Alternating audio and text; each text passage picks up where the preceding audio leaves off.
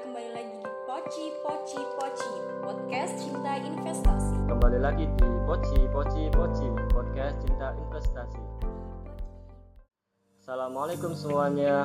Kembali lagi di Poci Poci Poci Podcast Cinta Investasi Oke teman-teman semua Setelah di episode 1 kemarin Kita udah kenalan nih sama UKM KSPMS Nah untuk selanjutnya Kita akan bahas segala hal tentang investasi Dari dasar-dasarnya sampai ke pengetahuan tingkat lanjutannya nih. Tapi sebelum kita masuk ke materi yang lebih jauh, aku yakin deh dari kalian pasti pada kepo kan, sebenarnya investasi itu apa sih? Nah, oleh sebab itu, pada episode yang kedua ini kita bakalan fokus ngobrol tentang apa sih investasi itu dan kira-kira apa untungnya kalau kita bisa berinvestasi. Oke, tanpa berlama-lama lagi, saya Andrian akan menemani kalian ngobrol santuy dengan narasumber kita di episode kali ini. Dan satu lagi nih, Aku mau ngingetin buat kalian yang masih bingung ini sebenarnya podcast apa sih? Bisa dengerin aja episode pertama dulu ya supaya kebayang dulu. Oke teman-teman pendengar, jika kita ingin belajar atau mengetahui segala hal yang ada di dunia ini, tentunya kita harus tahu lebih dulu dong apa sih sebenarnya pengertian atau hakikat dari hal yang akan kita pelajari itu. Ini seperti halnya saat kita diminta oleh ibu kita untuk memarut kelapa. Tapi misalkan saja saat itu kita belum tahu apa dan bagaimana sih caranya memarut kelapa itu. Nah, ini juga yang terjadi ketika kita ingin tahu lebih banyak tentang investasi. Sebagai dasar, itu sangat penting dong untuk kita tahu tentang pengertian dari investasi. Oleh karena itu, saat ini sudah ditemani oleh Kak Alvan dari Manajemen Edukasi KSPMS PB YIN Pekalongan yang akan menjadi narasumber kita pada episode kali ini dan tentunya pasti akan berbagi ilmu dengan kita seputar dasar-dasar ber berinvestasi dan keuntungan apa saja yang akan kita peroleh dari berinvestasi. Oke, langsung saja kita sapa Kak Alvan sebagai narasumber di posisi kali ini. Halo, Assalamualaikum Kak Alvan. Halo, Waalaikumsalam Kak. Sebelumnya terima kasih ya Kak sudah berkenan hadir dan mengobrol santai di posisi kali ini. Kakak gimana nih kabarnya? Alhamdulillah sehat Kak. Alhamdulillah ya kak. Begini kak, saya di sini itu istilahnya mewakili pendengar. Mau tanya nih, jadi menurut kakak pengertian dari investasi itu apa sih? Dan pandangan kakak terkait investasi itu seperti apa? Oh investasi ya. Jadi investasi itu sebuah aktivitas menyimpan atau menempatkan dana pada periode tertentu dengan harapan penyimpanan tersebut akan menimbulkan keuntungan di masa yang akan datang. Jadi uh, hampir sama kayak konsep menabung, cuma bedanya kalau investasi ini kita terapkan pada aset produktif kak. Jadi kita menempatkan dana kita itu pada aset-aset produktif. Nah aset produktif itu apa sih? Jadi aset produktif itu adalah aset atau benda yang mampu menghasilkan uang atau yang nilainya itu meningkat di masa depan. Uh, contohnya nih kak. Kalau menurut kakak kalau kita misal menempatkan uang kita pada pakaian saya mau investasi pakaian saya mau beli pakaian yang banyak untuk dijual yang di masa yang akan datang. Kalau menurut kakak, pakaian itu termasuk aset produktif atau enggak? Kalau menurut saya sih enggak ya kak, karena kalau misal kita membeli pakaian, maka uh, di masa yang akan datang itu pasti nilainya akan turun harganya atau turun gitu. Oh iya betul.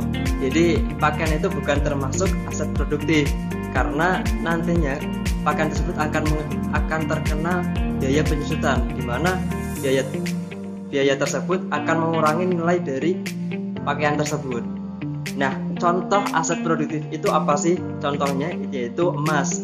Misal, kita beli emas sekarang harga 800.000. Kemudian kita simpan dan kita jual 5 tahun yang akan mendatang. Maka ketika kita jual di tahun tersebut, nilainya akan berbeda dari lima tahun sebelumnya ketika kita beli. Bisa jadi 2 juta, 5 juta, tergantung dari kondisi pasar saat itu. Jadi uh, secara umum sih uh, hampir sama seperti menabung cuma bedanya kalau investasi itu pada aset produktif kak. Bisa kita analogikan juga bahwa investasi itu seperti menanam pohon. Semakin kita rawat semakin lama semakin tinggi semakin berbuah dan buahnya akan kita nikmati kelak di masa yang akan datang seperti itu kak Oh jadi gitu ya kak, e, bisa disimpulkan ya bahwa investasi itu intinya mirip-mirip dengan konsep menabung, cuma tempat dan objek yang disimpan saja yang berbeda ya kak. Iya betul kak. Oke kak, kalau kita bahas tentang investasi di zaman sekarang ini, ada yang mengatakan jika generasi sekarang atau generasi milenial seperti kita ini harus tahu apa itu investasi. Nah, menurut pendapat kakak, seberapa penting sih generasi milenial ini harus tahu tentang investasi? Kalau menurut saya sih penting banget kak, karena investasi kan kita membeli aset produktif untuk disimpan kemudian uh, dengan harapan memperoleh keuntungan di masa yang akan datang ya. Nah, sedangkan dari tiap dari kita pasti memiliki keinginan di masa depan, baik itu motor, mobil, rumah, naik gaji, jalan-jalan ke luar negeri dan sebagainya. Pasti kakak juga pengen kan seperti itu. sekali kak. Nah, jadi uh, tiap dari kita pasti ada usaha untuk mencapai itu semua. Salah satunya bisa kita uh, capai dengan menabung. Tapi seberapa efektifkah menabung untuk mencapai itu semua? Coba kita pikirkan kak. Ketika kita nabung, misal uh, satu bulan kita nabung satu juta kak. Berarti dalam satu tahun kita mendapatkan uang 12 juta. Kalau kita tabung sampai misal tiga uh, tahun, berarti kan udah ada 30 juta nih. Bisa dong buat beli motor. Bisa kak. Nah, tapi pertanyaannya ketika tiga tahun mendatang apakah motor yang akan kita beli dengan 30 juta itu akan sama harganya dengan harga motor saat ini? Pasti enggak kak. Pasti harganya akan lebih mahal gitu. Nah betul sekali. Jadi uh, menurut saya menabung itu uh, kurang efektif untuk mencapai tujuan-tujuan kita. Karena nilai dari uang tersebut akan terus berkurang sejalan dengan laju inflasi yang ada. Sebagai contoh kasus inflasi nih kak. Ketika dulu kelas satu SD kita mau beli sarimi mungkin 500 perak aja udah cukup kak untuk beli satu bungkus sarimi tapi kalau sekarang kita mau beli sarimi itu paling enggak menghabiskan uang 2000 sampai 3000 rupiah per bungkusnya. Itu padahal dari jangka waktu berapa puluh tahun saja itu harga sarimi itu udah berkali-kali lipat naiknya kak. Nah begitu juga dengan motor, mobil, rumah, naik gaji dan lain sebagainya akan terus meningkat harganya sedangkan penghasilan kita segitu-segitu aja nabung kita segitu-segitu aja. Jadi uh, menurut saya investasi itu sangat penting bagi milenial untuk mempersiapkan kebebasan finansial di masa yang akan mendatang. Selain itu ketika kita belajar tentang investasi dari muda maka kita bisa meminimalisir resiko yang ada kak. Jadi investasi kan juga ada resikonya nggak hanya keuntungan tapi juga ada resikonya Nah, dengan belajar investasi dari muda, maka kita bisa mempelajari lebih dalam investasi itu seperti apa, kemudian resikonya seperti apa, dan lain sebagainya, sehingga kita bisa berinvestasi dengan cerdas, Kak. Selain itu, ketika kita berinvestasi pada instrumen keuangan, misal uh, obligasi, misal pemerintah mau bangun jembatan nih Kak, kemudian pemerintah menerbitkan obligasi kemudian kita beli obligasi, kita berinvestasi pada obligasi pemerintahan tersebut, maka secara tidak langsung kita membantu pemerintah untuk membangun negara ini, Kak. Begitu juga dengan saham, Kak. Misal kita beli saham, berarti secara tidak langsung kita membeli perusahaan, sedangkan perusahaan itu akan terus berkembang dan akan terus menciptakan inovasi-inovasi terbarunya sehingga perekonomian di negara ini bisa berputar dan ekonomi Indonesia akan terus bangkit, Kak. Selain itu kak, ketika kita berinvestasi dari muda maka itu artinya kita telah satu langkah lebih maju untuk mencapai kebebasan finansial. Ketika kita berbicara tentang kebebasan finansial, maka kita akan berbicara juga tentang hierarki uh, kebutuhan manusia. Jadi hierarki kebutuhan manusia itu ada ada lima kak tingkatannya. Nah yang paling bawah itu adalah kebutuhan primer seperti sandang, pangan, papan, seperti itu. Kemudian yang selanjutnya di atasnya lagi ada kebutuhan sekunder. Kemudian di atasnya lagi baru ada investasi dan lain sebagainya. Nah, dengan belajar investasi dari muda itu artinya kita berusaha untuk mencapai kebebasan finansial di masa yang akan datang dan kita bisa memperbaiki perekonomian kita sehingga di masa mendatang kita akan menjadi orang-orang yang sejahtera seperti itu kak jadi gitu ya kak. Memang dalam berinvestasi itu kita juga akan dihadapkan dengan berbagai risiko dan ketidakpastian. Oleh karena itu mulai belajar investasi dari muda itu bagus ya kak? Iya betul sekali kak. Selain itu, ketika kita uh, berinvestasi, maka kita juga akan membantu sendi-sendi perekonomian negara juga ya kak. Iya betul kak. Nah untuk pertanyaan selanjutnya nih kak, mayoritas dari kita itu kan pasti tahu ya kalau kita bisa mendapatkan bunga deposito jika menabungkan uang kita ke bank dan itu juga termasuk salah satu keuntungan kalau kita menabung. Lalu jika kita berinvestasi, keuntungan apa saja sih yang bisa kita dapatkan kak?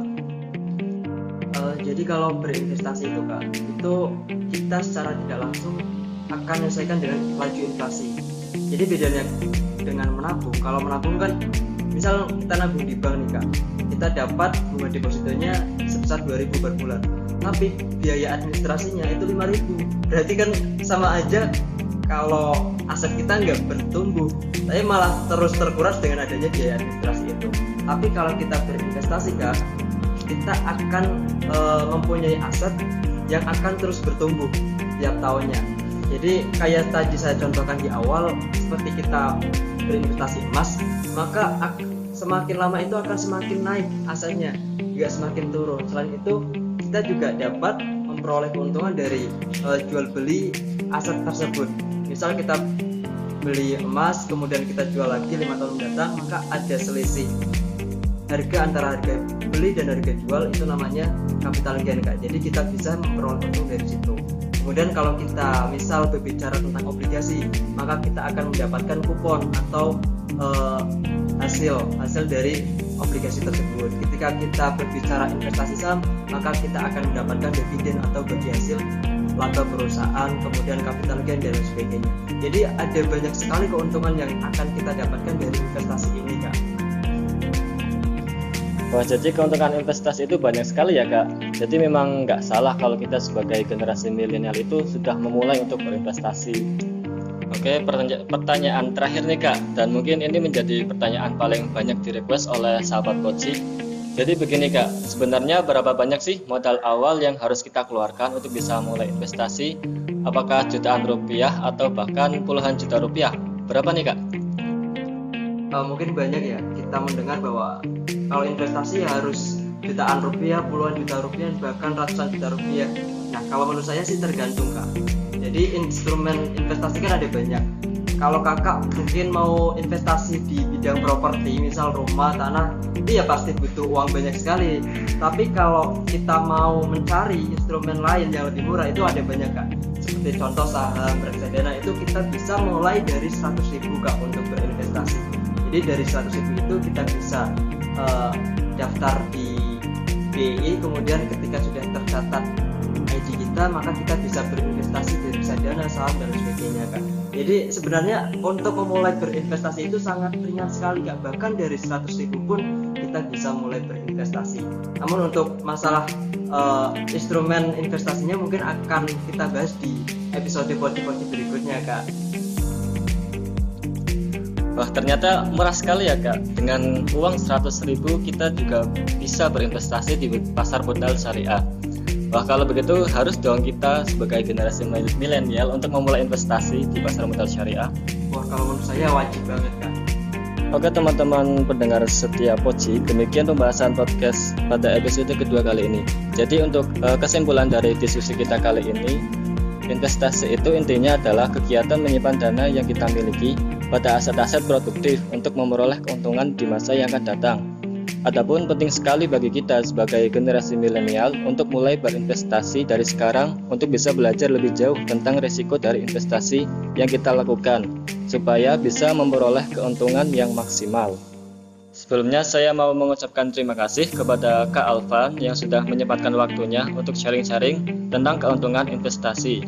Dan yang pasti terima kasih juga kepada teman-teman pendengar setia yang sudah meluangkan waktu untuk mendengarkan podcast kali ini. Dan buat kalian semua yang nggak mau ketinggalan berita seputar investasi, harus stay tune sama kita nih. Jangan lupa ya pantauin Poci terus pokoknya. Sampai jumpa di episode berikutnya. Salam micin. Assalamualaikum warahmatullahi wabarakatuh.